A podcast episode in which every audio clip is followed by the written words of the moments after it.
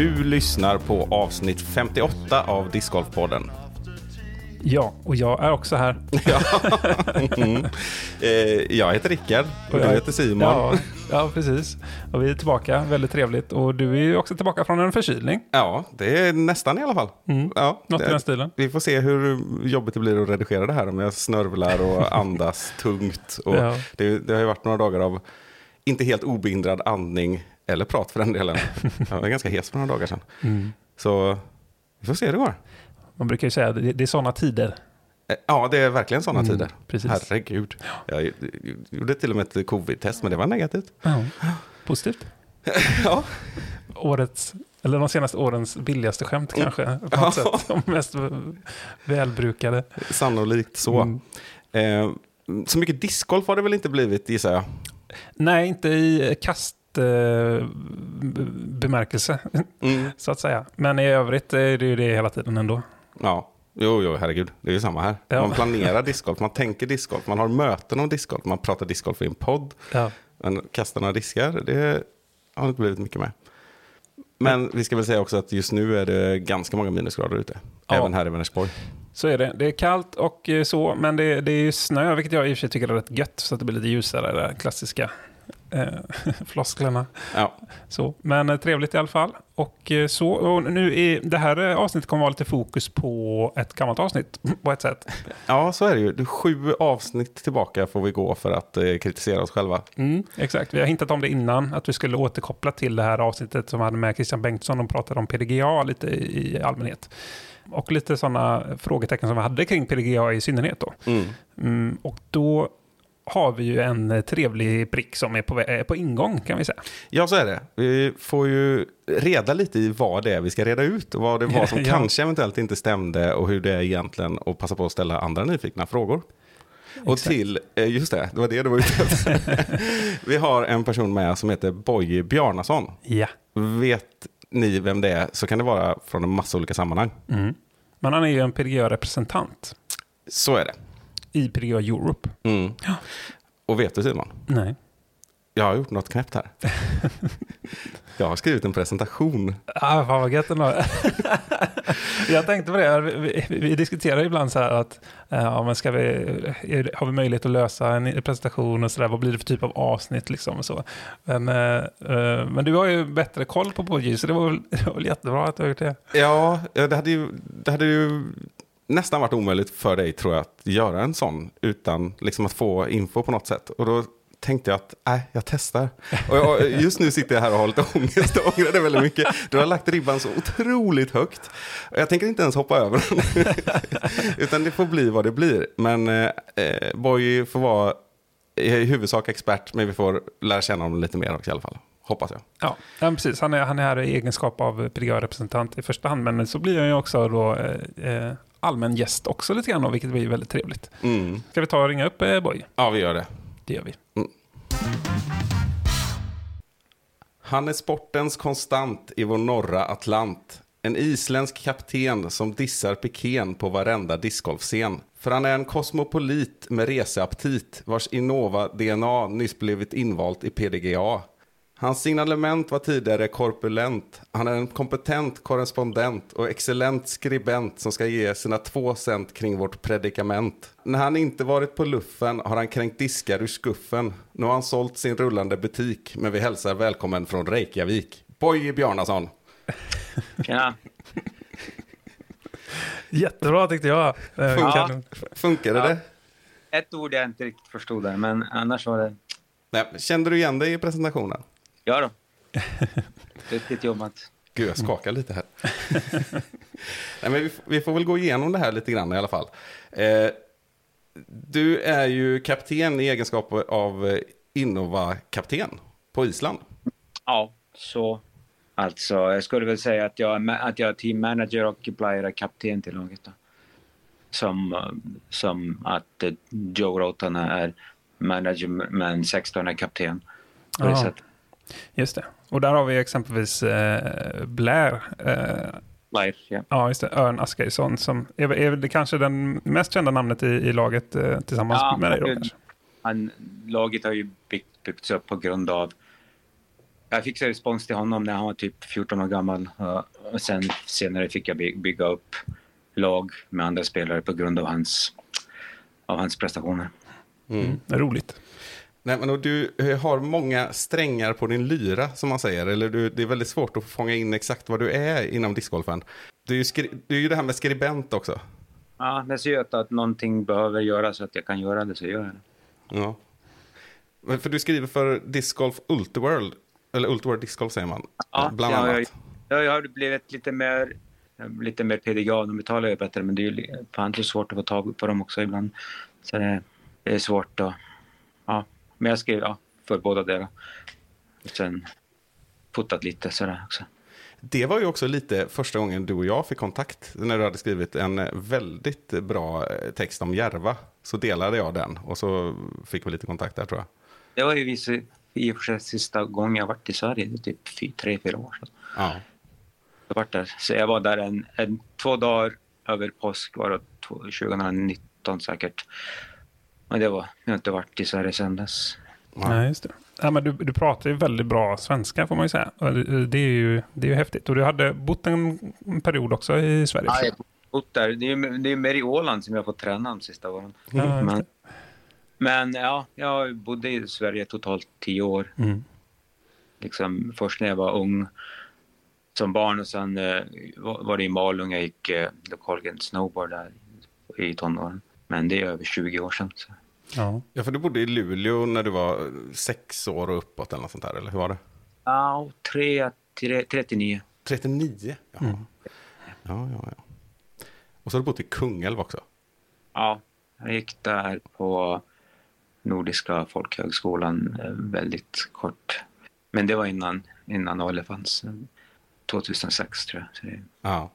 långt innan jag kände till sporten. Alltså. Ja. Mm. Jag, jag pekade ju ut dig som en före detta tjockis i den här presentationen. Var, kändes det okej? Ja, men det, jag var ju typ 20 kilo, kilo tyngre för, 20, för tre år sedan. Ja.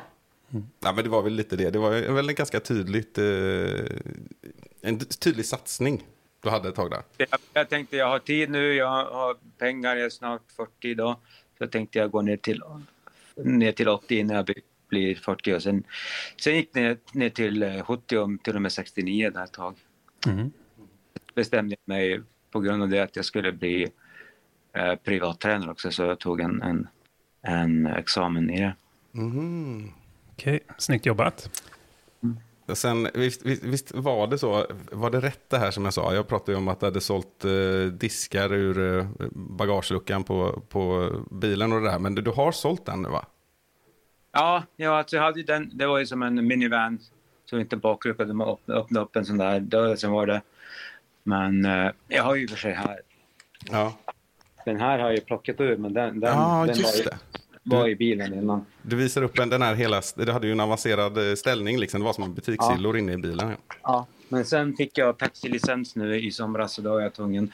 Jag kunde inte hålla två bilar, Nej. två business gående på, på ett, en och samma gång så jag var tvungen sälja den.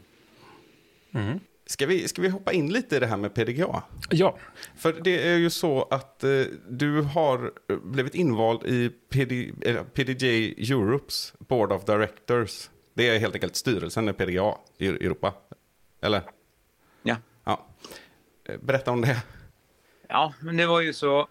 Det var så för något år sedan när de började först så hade de blivit invald i en, en, en PR och Eh, media, inte styrelse men, men en liten sån där, eh, ja vad det nu heter.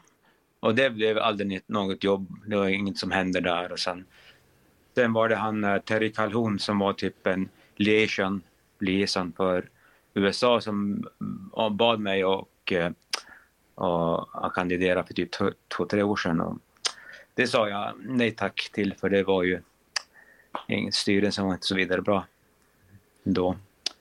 Men sen började den bli, bli bättre och bättre och eh, så jag bestämde mig för, eftersom att jag hade blivit, ja, sålt bilen och så hade mer tid.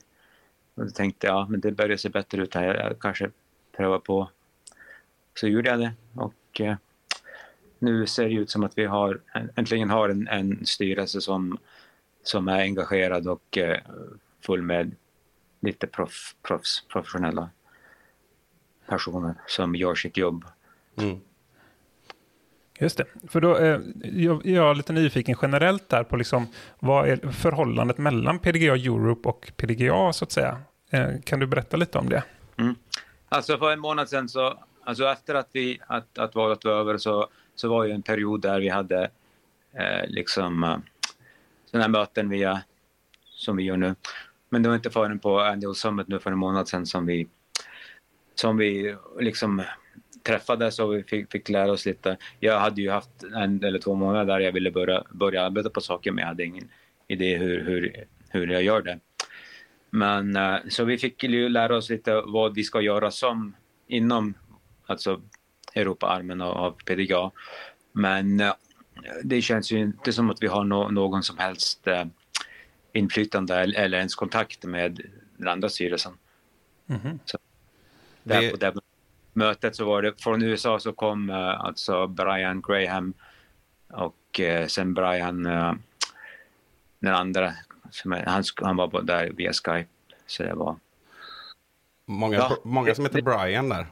Ja. Så det var de som vi liksom har kontakt med från, från USA. Och sen uh, Mattei från Eurotour och sen han Kalle som är, är ja, kontoret i, i, i Helsingfors. Mm. Men eh, ja, vi tycks inte ha något som helst inflytande eller ens någon kontakt med, den, med styrelsen där. Det var, det var det som var lite eh, nytt för oss eh, som vi fick reda på lite, efter att vi hade spelat in det här avsnittet eh, också. Då, att det, det är väl, två eh, väldigt separata organisationer, i alla fall sett till verksamhet och beslutsfattande och alltihopa. Då. Ja, så vi har ju liksom...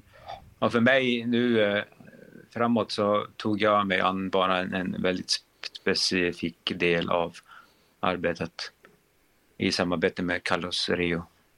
Och vilken del är det? Det är alltså den, eh, den europeiska, nu har den ett namn som är helt värdelöst som jag aldrig kan komma ihåg, men det är som, det är som våran eh, version av, eh, av Marco Polo-fonden. Där vi utvecklar sporten i, ja, liksom inte ge ut pengar till, till etablerade länder, utan ge ut pengar till länder som är på uppväg. Precis, mer underutvecklade ställen och sådär. Och då, då var det... Du, du såg till att det blev en liten pengapott till en bana i Storbritannien, vill jag minnas va?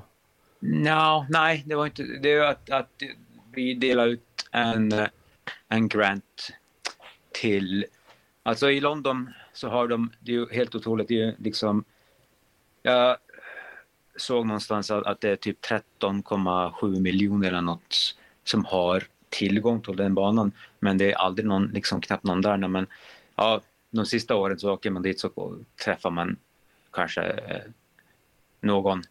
Men med så, med så många miljoner människor runt där så är det helt otroligt hur, hur lite spelad den banan är. Den är en ganska bra bana, tycker jag i alla fall. Och vilken Så bana jag- pratar vi om? I, eh, den heter Lloyd Park i East Croydon, eller South Croydon. Då. Mm. Det är typ 20 minuter från Gatwick flygplatsen. Mm. Så jag, jag har varit och tävlat där antal gånger och de har alltid, när man, när man betalar tävlingsfee så har de en, en extra, om man vill ge pengar till att de ska bygga TIS. Så vi gick ut med en grant för att bygga bättre TIS till, till banan. Och det är ju liksom en, en satsning på en bana som är, det finns ju ingen ba- bana i, i Europa, ja i Europa, möjligtvis världen som har lika stor eh, befolkning runt, runt banan. Mm. Och som har också ty, typ, du kan ju mellanlanda där. Om du har någon timme så kan du dra en runda om du är på väg någon, liksom. Jag tänkte att det var en bra första, första etapp, så att Ja. säga. Nu får vi igång britterna. eh, ja, men jag, jag tänkte på det. Det vi har lite grann eh, fått höra i efterhand här också efter eh, avsnittet avsnitt 51, var att eh, vi pratade om de här pengarna som vi betalar in, alltså medlemsavgiften. Eh, Ja. som vi, vi har fått höra nu då att de går till PDGA Europe. Om man bor i Sverige och betalar PDGA-medlemskap, då går det till PDGA Europe och inte till PDGA på andra sidan Atlanten. Stämmer det? Jag vet ju inte om hela, hela slanten går dit, men, men en stor del i alla fall. Mm. Ja, det är ju bra. Ja, det, det, en del av de pengarna är ju den här fonden också. Ja. Nej, men då, då, har- då har vi ju en ganska skarp rättelse på sätt och vis då. Ja, men precis. Då, då känns det som att det ges genast mer incitament då på något sätt. Att då, då hjälper man snarare discgolfen i Europa att växa snarare än i USA på något sätt då ju, när man blir medlem i PDGA. Och det, det, känns ju, det känns ju trevligt. Ja, det var ju en extremt dålig formulering av mig också. Ganska skarp på sätt och vis. men ja, nej men exakt. Och det som Christian eh, hade med in i det var ju just att han har ifrågasatt det här många gånger just när PDGA satsar mycket på tävlingar eller nationella torer och mer eller mindre i, bara i USA då. Och vad, men vad får vi andra som betalar i övriga världen då? Det konstiga är att de inte har gett ett bra svar, för då hade ju de ju ett svar. Ja, det, Eller hur? det, det är lite märkligt ja. Precis. Alltså, jag, jag, jag lyssnade på det alltså, avsnittet, men det är ju typ sex veckor sedan, så jag kommer inte ihåg helt totalt. Nej. Men många sakerna är, ju, är jag ju liksom enig med och, eh, och det är ju, många av de sakerna är ju liksom skälet till att jag kandiderar. Mm. Så att säga. Men och sen, eh, jag frågade ju han Brian om en del av de frågorna och jag fick ju faktiskt eh, ganska bra svar på en del saker. Men eh, sen kan man ju också tycka liksom hur, varför bryr folk sig så skarpt om, om en två timmars lön? Liksom, det är ju liksom, om, om du var ute och investerade en, en veckolön kanske, men det är ju inga pengar. Jag fattar inte liksom varför folk bryr sig så hemskt mycket om, om vart eh, 30-40 spänn går. Liksom. Ja, ja, nej men jag menar, jag tänker ju mer att det, det har ju blivit ganska mycket pengar för PDGA totalt liksom. Ja. Eh, och att det då, eh, att, att, att frågan har varit, eh, att, att, eller ifrågasättandet, att om det verkligen fördelas på något sätt proportionerligt sett till eh, hur PDGA satsar Ja, ja. så att säga. Så att det var väl varit snarare det då. Mm. Ja, Eh. det- Men det var en specifik fråga som han, han ifrågasatte det här med att, att PTGA har en, en scoring system. Mm. Jaha, du menar PDGA, alltså den appen liksom? Ja, den Mm. appen. Och jag, det, det frågade jag Brian om. Han, jag fick ju ett bra svar på det. För eh, han sa ju det, liksom, vi är ju en organisation och företag går ju under liksom, hela tiden. Vi måste liksom går Jodisk under eller Metrix eller vad, vad, som helst. Eller Ching. då måste, måste det ju finnas en, en, en app kvar som liksom, så det är ju skäl till eh, sådana frågor. Mm. Det finns säkert eh, bra följdfrågor till det, men nu, nu har vi rätt ut i alla fall. Jag fick ett svar. Eh, men var det något annat sådär som du reagerade på, eh, som du tänkte att här har vi tänkt fel i det avsnittet? Ja, men det var ju säkert, men nu, nu har det ju gått eh, typ sex veckor sedan jag lyssnade på det avsnittet så jag kommer inte riktigt ihåg Nej. allting. Det, det var, det, då var allt annat rätt, tycker jag. Precis. ja. Men hur... Men som, ja. de, många av de här sakerna är jag helt liksom, enig med. Och, eh, och det är skälet till att, att man att man liksom går, går ut och, och eh, tar del av det här. För att det är en massa, massa saker man inte förstår. Och sen var det ju bara så att det var liksom att vi måste ha en funktionerande styrelse. Och eh, har man liksom har man haft det ett tag så kommer det ju fler, fler folk och, och kandidera som, som har talang och, och vill liksom vill jobba hårt Mm. Mm.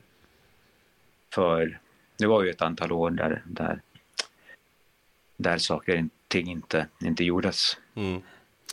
Vad, vad kan vi se fram emot framöver då? Hur har snacket gått eller vilka typer av liksom, satsningar eller liknande tänker ni er? Alltså personligen så satsar jag, jag ju på, alltså på, här, på den här, den här eh, fonden, vad den nu heter. Jag har kollat upp det. Det är otroligt svårt att komma ihåg. Men eh, så vi är, nu är det jag och Carlos och sen har vi, eh, har vi snackat med lite företag och vi tänkte, alltså jag kan inte svara på kanske andras projekt. Men mitt, min tanke är så att, att jag har sett liksom eh, de som har gjort, alltså applications, vad heter det? De som har sökt, de som har sökt. Ah, ja, ansökningar. Mhm. Ja. ansökningar. Jag har satt, satt, sett ansökningarna från förra året och det är ju liksom massa... Det, det är liksom uh, folk söker från de här uh, redan utvecklade länderna. Men sen har vi, är det ju också från ansökningar från länder där som är, är så pass fattiga att, att det inte kommer spela någon roll. Vi kan, vi kan slänga hur mycket infrastruktur som helst dit. De kommer aldrig ha, ha råd med sporten i Bulgarien. Liksom. Så min tanke är, nu har vi kommit ut från covid och, vi bör, och innan covid så var vi på, på den vägen att, att det skulle skapas som i Ale eh, di- Disc Golf Destination Tourism. Mm. Så min tanke är den att vi tänker liksom samarbeta med vissa företag på olika orter. Som vi har pratat med en, en stor tillverkare att eh, samarbeta i, i Spanien och Sydeuropa. Sen hade vi tänkt prata, prata med någon, någon annan för eh, Latvia. Vad heter det på svenska? Latvia? Lettland. Är det Lat- nej, Litau... Lat- Lit- Lithuania är Litauen och Latvia är Lettland. Ja, så det är tanken liksom att, att de här eh, 2500 euros är max och det gör man inte så mycket med. Så plus att du har de som ansöker liksom kanske mindre klubbar som just har startat, de har ju inte mycket kännedom av, av hur man köper och bygger och, och, och designar. Så tanken är där att vi ska ha samarbete med tillverkare så att vi får så pengar går direkt till dem och slösas inte bort på onödiga, onödiga saker. Att vi kan bygga upp hela 18-hålsbanor som blir som en hubb liksom Mm. för som att vi tänker att Barcelona blir en hubb till Spanien och Spanien blir en hubb till Sydeuropa. Så att, att, att vi bygger upp på det sättet istället att vi slänger liksom fixa en sak i en liten by där och en annan sak där och, och det har liksom ingen, ingen, ingen större effekt. Mm. Idén är att vi, vi tar tag i de här second tiers ekonomierna som där, de, där de kan bygga upp som i Spanien och Italien. I Milano hade vi tänkt att det skulle vara en annan, annan bas. Där har, de sökt. Ja, det är liksom som tanken att vi får ut som mest av pengarna och att, att, att det skapas sådana här hubs eller baser och de kan sen, för det är stor, stor del av problemet i de här länderna att, att även att de liksom eh, har fått pengar någonstans ifrån så kan de inte få ibland eh, tillåtelse av kommunen. Och har man byggt upp en så kallad hub någonstans och vi, då kan man liksom gå vidare och visa det till andra kommuner runt om. Det, ja, det är ta- tanken med den fonden. Men sen vad andra, andra i styrelsen gör, jag vet att Zoe Winfield hon, hon jobbar mycket med eh, alltså kvinnor, kvinnor att växa sporten där. Och nu Mm. har hon den här, den här European, European event, Women's event, för- eftersom att den, eh, den globala bara händer vartannat år. Mm. Och sen, ja, så Ma- Mattei han är ju med också. Som, han är inte med i styrelsen men vi jobbar ju stort med att Eurotour ska bli något som, ja det är väl hans tanke och det ser ut som att, att, att, att det kan bli så att man, man kan turnera i, i typ Light, han ska ju göra turné i Europa hela turnén liksom. Mm. Det är att, det, att veckorna ligger ihop i två månader straight nästan. Ja, det, är, det är liksom tanken där att, eh, att man ska kunna välja som europé att tora och ekonomiskt kunna försörja sig, i alla fall på sikt, Ja. på Europatouren. Liksom. PDGA Eurotour då. Det är väl det, det som är tanken. Så man kan åka ut till USA i en månad kanske tidigt och sen dit.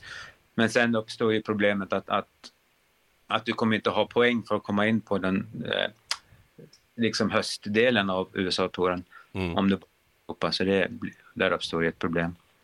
Ja, vi har pratat om det här tidigare. För det, det du pratar om nu det är ju att liksom få en spridning över Europa också. Att fler länder eh, blir discgolfnationer. Eh, Och breddar sporten på det sättet. Men vi har också tidigare pratat om det här att Europa växer ju starkt liksom, gentemot USA. När, när tror du att, eh, att Europa skulle kunna, kunna hitta, hi- hinna ifatt USA? Du som har varit mycket på båda ställen också om man säger så. Ja, men det, det kommer ju knappt att hända överhuvudtaget tror jag. Men, Nej, det är så. ja, men det är ju väldigt svårt att fråga. Det ligger ju så långt i, i, i framtiden. Och liksom, Europa, Europa totalt klart det aldrig kommer att hända, men, det- men, men det kan ju hända i, i vår del av Europa. Ja, men det, som är, det som jag personligen tror kan vara rätt, eh, riktigt häftigt om, för, för övrigt tycker jag det är jättekul att höra om den här satsningen på att få, eh, få sporten att växa i södra Europa. Jag tror att det är nyckeln också för att det ska växa i Europa generellt, att få med de stora nationerna först och sen så får man med de andra i ett senare skede. Liksom. Det tycker jag låter jätteklokt. Eh, och, eh, så. och jag tror det är där Europas styrka ligger, att man, att man är mer, mer multikulturellt och mer fler nationer som kommer med, som kan bidra på olika sätt och att man kan få eh, Eh, statusen på att tävla eh, som nation på ett, upp på ett helt annat sätt än vad man har nu. Alltså världsmästerskapen, det handlar ju om individer som tävlar mot individer och inte, mot, inte som ett världsmästerskap i övriga sporter som, som handlar om Sverige mot USA liksom, eller Finland mot Sverige eller så. Eh, inte, på det, inte på det sättet. Och det tror jag, om man, om man skapar en större bas i, i europeiska länder så tror jag man kan få upp den grejen på ett, på ett häftigt sätt. Eh, vilket jag ser fram emot väldigt mycket. Mm. Ja, de har ju den här tävlingen, den här eh, alltså lag-VM, men det är inte så många som satsar, satsar på det. Nej, precis. Ja, jag tror att, det, att man behöver börja med att få individuella VM till en sån typ av stämpel. Där man, liksom, man kanske kör med, med liksom landslagskläder snarare åtminstone liksom, än, än att man kör med sin Discmania-tröja. Liksom. Och kvo- kvoterade platser och liknande då, tänker du också? Exakt. Mm. Vi ser vad som händer 20, vadå, 2024. Det är väl, vi är väl inne på att det, att det kommer bli Finland säkert då. Mm. Mm. Sen, sen eh, får jag ju, jag, min, jag har ju inte riktigt samma ingång i det där. Jag kan tänka mig att det är bra med, med att få in fler nationer, särskilt när det är så överlägset för USA. Så Mm. en sån typ av kvotsystem tror jag skulle gynna eh, både tävlingen och sporten. så. Samtidigt så, så tänker jag ju, alltså discgolf ska ju, b- brukar ju eh, lyfta ett varningens finger så här när, när det handlar om att vi ska inte vara golf. Liksom, och så där. Men det finns ju lite den traditionen här nu att det liknar golf och tennis och för mig ligger ju tennis närmare då. Eh, att där är det ju samma sak och det funkar ju ganska bra. Alltså att Rafael Nadal i första hand är Rafael Nadal mer Mm. än Spanien. Eh, och så är det inte helt blahaigt med OS på något sätt, men det är inte det som är det största. Liksom. Och det finns inget VM i tennis som är relevant i alla fall, och inte i golf heller, så vitt jag vet. Jag tror inte att de sporterna lider av det. Men däremot så är det ju en större spridning på sporten också. Mm. Ja, men då borde, det är liksom vi pratade om innan, då borde det samma som USDDC, alltså då borde de väl ha liksom, eh, alltså det borde inte heta VM i så fall då, eller liksom på något sätt, om det ska vara på, eh, eller man borde branda om det då, eller, eller Annars där är mitt problem snarare att, eh, att det alltid spelas i USA. Jo, att det liksom de ja, men- praktiska exakt. möjligheterna man, man, man blir ja. liksom av med den känslan av att det är ett VM. Ja. det. Men som sagt, från och med 2024 får vi göra en ny utvärdering då kanske. Vad har du för tankar Boy? Du, du är också med, du är med oss fortfarande. Ja, ja, vi är väl alla, alla inne på det att, det, att det ser ut som att det blir- Finland då. Det är Mm. alla, som alla har förstått. ja, Tammerfors, Tampere. Mm. Ja, nej det har ju varit ute ett tag egentligen. Att det kan vara, att, att det är på gång. Ja, VM är ju lite konstigt för, för liksom, jag, har varit, jag har varit på alla, jag har varit på European Open, USDC två gånger på VM och eh, VM var ju i, i, i jämförelse med USDC och, och eh, European Open så är ju VM helt värdelös alltså. Mm. Ja, vilka VM är det du har varit på? Jag var där uppe eh, 2019 i, eh, där uppe i Ledgestone-banorna. Mm, just det. Peoria, Illinois. Det var ju helt... Är du liksom på USDC så, och bor på det tävlingshotellet så har, du liksom bara någon minut att ta dig till banan och allting. Men sen där på VM så var det en halvtimme åt alla olika håll och det liksom bodde typ mitt i en stripmall och det var helt Mm. värt. Mm. Vilken är din favorittävling? På touren nu, Ja. eh, Jonesboro. ja. Hur står den sig liksom i, i eh, om man säger i eh, inramning, eh, om du jämför med European Open till exempel? den tävlingen. Mm. Jag, nej, jag har inte, jag vet ju inte. Men, Ja, du har inte varit på Jonesboro?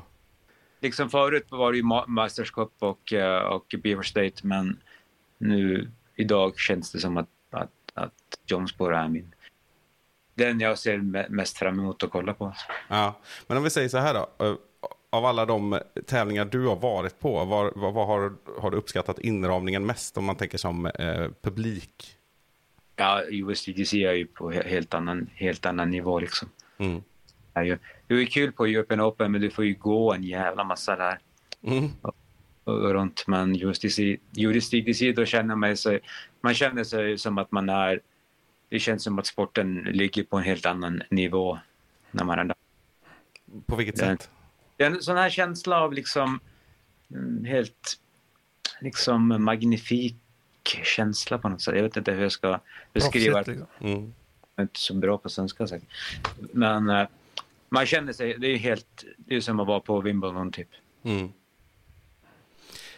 Ja, för jag, jag nämnde ju det i, eh, i presentationen också, att du eh, gillar att resa ganska mycket. Du har väl rest, gjort väldigt mycket discgolfresor de senaste åren? Är det inte så? Några, några stycken. Ja. Ja. Vad, vad har, kan du berätta om några höjdpunkter? Liksom? Ja, nu sist var jag med Tor Wallgren i Afrika nu i oktober. Mm. Det har varit... Ja, när vi, när vi pratar PDGA-problem så, så skulle jag få liksom betalt för det och skriva en artikel och jag kan inte få tag på redaktören eller, eller någonting där. Det har liksom gått nu två månader. Men det var en väldigt speciell resa. Eh, Nicaragua var nog säkert det, det, det mest. Vi har satt ju fast i Nic- Nicaragua i början av, av covid. Mm. Just det. Tog mig, satt fast där i en vecka, sen tog det tre dygn och typ 2000 extra dollar att ta mig hem. Ja. Så det var en upplevelse. Sen har jag varit i Brasilien, det var nog det. Om jag fick eh, ja, liksom upprepa någon, någon resa så Brasilien helt liksom, ja, i toppen. Hur är discgolfen i Brasilien? Alltså de har ju, de har ju växt ut lite mer nu, men de hade fått en, alltså en uh, Marco Polo grant för att bygga en bana för några år sedan. Men problemet med den banan är att den ligger liksom ute på landet och den ligger inne i en gated community. Mhm. Och plus att typ 6 av 18 hål, och banan är ganska fin faktiskt, men 6 av 18 hål ligger över vatten och det är liksom vatten där du inte kommer att få dina diskar tillbaka. Alltså. Så banan är ju fin, men, men problemet är ju att, att det har ju ingen... Inget växer runt, runt banan. Ja. Så det är väldigt, eh, ja, väldigt svårt, men det var en otrolig upplevelse. Hur, eh, har du räknat efter hur många gånger eh, du har varit eh, i USA? Jag har varit i USA, jag har inte varit där nu på sedan 2019, men jag tror jag har varit i USA 11 gånger. Ja. Mm. I discgolfsammanhang? Um, nej, men jag har varit och turn- turnerat med, med, med band och uh, varit och rest och med, rest med familj och sådär. Det är många gånger innan dess att jag började spela. Mm. Men efter att jag började spela så i liksom direkt discgolfsammanhang så typ fem gånger ska jag säga. Mm. N- när var det du började spela förresten? Uh, alltså 2014 var det. Ja. Jag började. Mitt emellan mig och Simon kan man säga då. Mm, Ja, det är det. ja, det har varit en, en, en mycket resande, men, men det, liksom de här Afrika, Nicaragua, Brasilien, det är det som står liksom, som ja, inte många andra har gjort så att säga. Mm. Varit på European Open, nej, på European Championships tre gånger. Vi möttes ju där förra året. Ja, precis. Vi hängde ju då i Ja. Konopiste. Ja, satt vid ett bord på kvällen och gjorde Ja, och du, vi fick ju tyvärr inte tävla mot varandra ens i, i, ur bansynvinkel, för det hörde ju till på den andra banan där. Ja, den banan, ja, den var ju inte riktigt i samma klass som, som eran bana. Nej, det kanske det inte var, men det var väl ändå en bra bana. Nej, den var rolig. Det Ja. var kul. Det var kul att man kan få, få birdies på, ett antal hål. Ja, det, är liksom lite, lite, det blir ju lite orättvist mot en bana att ligga bredvid just Frans Ferdinand-banan. Annars så hade du placerat eh, Konopisten Meadows vart som helst annars hade du tyckt att det var en jättebra upplevelse. Ja, men det var ju, det det är klart det var kul, men, men, men det är ju liksom helt, det är ju typ knappt samma sport som, som man spelar på Konopista-banan. Liksom. Ja. Vad har du för favoritbana? I världen? Som du har Nej. spelat? De la Vega. Ja, det, är, Jaha, det är lite oväntat. Ja. Den, det här är du, du inte riktigt eh, i samma båt som Christian Bengtsson till exempel tror jag. Nej, men det är min, alltså för där, jag har ju inte så mycket distans, men jag är ganska bra på putta. Så det, och, och precision, så det gillar jag. Men jag, jag har inte varit där på ett tag. Men krokhål är, är ganska, om jag skulle kunna åka någonstans vart som helst just nu så krokhål skulle vara, Mm. vara min destination. Och såklart gamla Järva, men det finns ju inte kvar längre. Nej, och nu ska vi komma ihåg att du har inte varit på Ale discgolfcenter än. Nej. Så att det, det har ju potential att bli... Nej, nu ska vi inte dra upp... Nu är jag sån där igen Simon. Nu är det lagom förväntningar. Jag tycker också det är väldigt kul att, att vara där i, i LA, där på La Mirada. La Mirada, ja, La Mirada. Det är väldigt skönt. Det är som på Järva, man kan inte tappa bort diskar. Mm. Två gånger 18 hål och en pro shop. Och, och väldigt skönt liksom, upplevelse att, att, att vara där. Inte svåraste banan kanske, men det är väldigt, väldigt roligt. Det är ändå imponerande. Jag, jag har tappat bort diskar på Järva. Ja, jag med. Ja, det är imponerande att du inte tappar bort diskar. Men jag förstår vad du menar. Lite mer Ja, jag öppet. tapp- Jävla, väldigt mycket diskar. Ja. Järva, så kunde, på gamla Järva, typ bakom hål ett, det var typ enda stället jag ty- tyckte att man kunde, kunde tappa bort diskar. Mm. Just det. Men eh, vad tänkte jag på? Är det något mer du- skulle vilja skicka med här i podden när du ändå har eh, möjligheten? Är det något du skulle vilja nämna gällande PDGA eller i allmänhet? Bara något medskick till lyssnarna? Mm, nej, inte jag. Liksom... Nej. När ses vi på Ale? Ja, det, det får du fråga Simon när han tänker bli... Ja, precis. Nej, men vi får väl höras här framåt sommaren. Det hade varit jättekul om eh, jag får får Vi visa dig runt. i Spanien i, i början på mars om du vill hänga med. Är det Oviedo?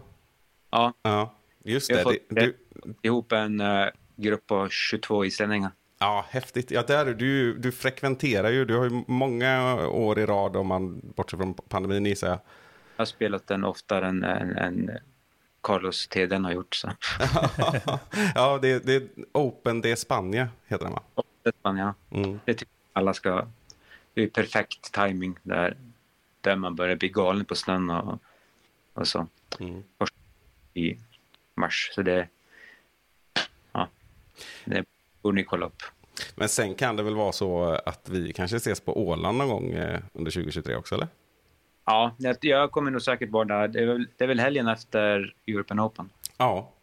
Ja. Och du, du vill väl spela en masterclass på Eurotour, eller? Ja, säkert. Men jag, jag, jag kommer ju vara, vara på, ja, på Åland Open. Det är ju ga- 90 procent chans att jag kommer vara där. Ja, hundra säger jag. så, så, såvida det inte är någon jädra vulkan på den där ön du håller till på som ställer till det igen så får det väl komma. Ja. Nej, men jag, jag missar ju inte European Open. Sen Åland helgen efter, det, det kan man inte missa. Nej, nej självklart. Men du, det, jag har en fråga här. Och det- Jag tar det öppet i podden. Men det, det är apropå det här att jag tror både jag och Simon är väldigt sugna sådär på att man skulle vilja åka till Island. Men det är en sak som har gått upp för mig som gör det, kan göra det svårt. Så nu tänker jag fråga dig om det här stämmer. Kan jag ta med snus till Island? Kan du? Får Jag jag har- jag har en ganska rolig eh, berättelse om, om, om snussmuggling faktiskt. Jaha. Nej, alltså du kan, det kan du inte eh, legalt. Men jag, jag, jag gjorde ibland så brukar jag liksom ta med mig. Så blev jag haffad i, i det är typ 10-15 år sedan. så blev jag haffad i tullen. Jag hade liksom i en påse. och Han, han tullaren han där, tog upp påsen och han tog upp snus. En sån där 10 snus. Och han eh, frågade liksom, du vet väl att det här är illegalt? Så tog jag det av honom och satte det på sig igen och sa ja, men det kommer jag ihåg nästa gång. Sen gick jag iväg med. Ja, Ja, så kan man tydligen göra. tror du att det funkar om jag gör det? Ja, men de kommer det är. Ja, du är en person de brukar leta på. Nej, det har Nej. nog aldrig hänt faktiskt. Nej, men då, då tänker jag inte på det. Är bara att du tar med dig snus. Ja, det har Vi jag. har, har ju en äh, affär som heter Svens här. Jag vet inte om det är en svensk grej, men det är, de är som en snusbutik här, men det är väl särskilt inte, det, inte den farliga snussorten som ni har. Va, va, vad är det för snus då? Nej, jag har ingen aning. Jag en liten snus. Men är det, är det nikotin? Ja, det är säkert att det måste vara nikotin, men...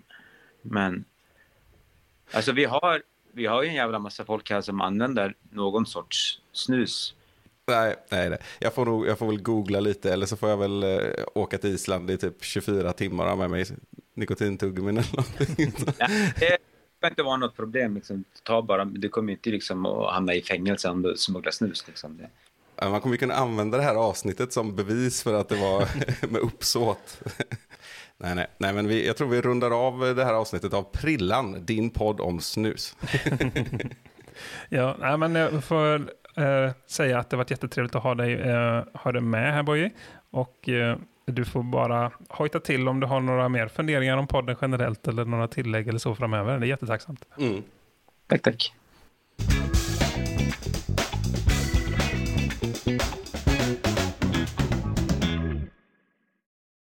Då så, då tackar vi Boje och Reykjavik eh, för den här gången. Mm. Han, eh, hans namn måste ha flugit runt i den här podden förr va? Ja, det borde ju inte gått helt obemärkt förbi tycker man. Nej, det känns så. Hur som helst så var det ju himla trevligt och det var nog inte sista gången han är med. Nej, men han har, som vi hörde, han har ju kunskap om mycket om, och varit runt mycket. Vi hade kunnat prata mer om Islands discgolfskultur generellt till Ja. exempel och så. Men, eh, men det ges ju fler tillfällen eh, Ja. säkert som sagt. Eh, Men jättetrevligt och det var bra att få lite feedback till, kring, kring avsnittet med, om, om PDGA som vi hade med Christian. Och eh, också att eh, generellt att, att det lät ju som att han, andemeningen av det avsnittet, att han ändå höll med om det så att säga då. Att det var Mm. mer detaljer som man hade reagerat på då tidigare. Så jättebra tyckte jag. Mm, absolut. Kul. Mm. Vi, vi har väl något litet medskick här då innan vi lägger på, höll jag på att säga. ja, precis. Det har vi ju redan gjort, innan vi stoppar. Mm. Eh, vi har ju puffat för att vi, Simon har ju gett oss ett fint paket. Nu pratar vi om en annan Simon som heter Simon Lindgren, Ja, kopplat precis. Ja. till Järva. Han har ju gett oss ett lite fint paket som vi tänkte lotta ut till någon lycklig eh, person. ja, Så det tänker jag göra innan jul. precis. Så, så uppmaningen är väl att håll koll på våra sociala medier. Vi kör på Instagram. Det blir bra. Ja, vi kör på Instagram. Håll koll på vår Instagram.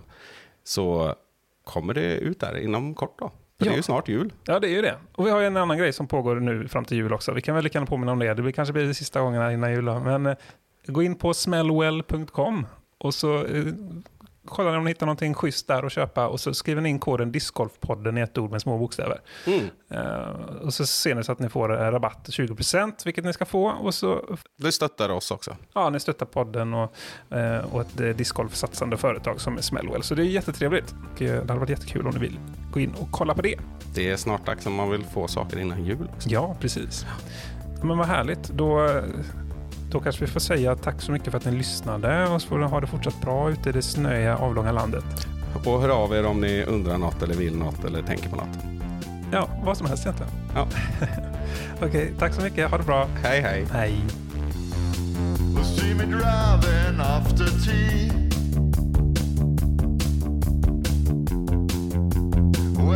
Looking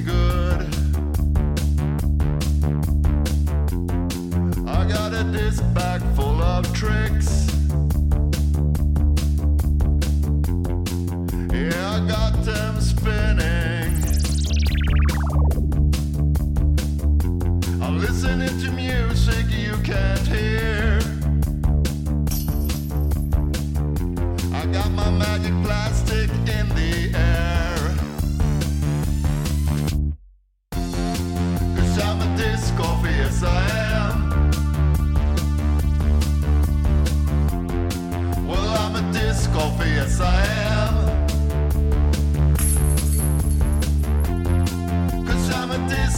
yes I am.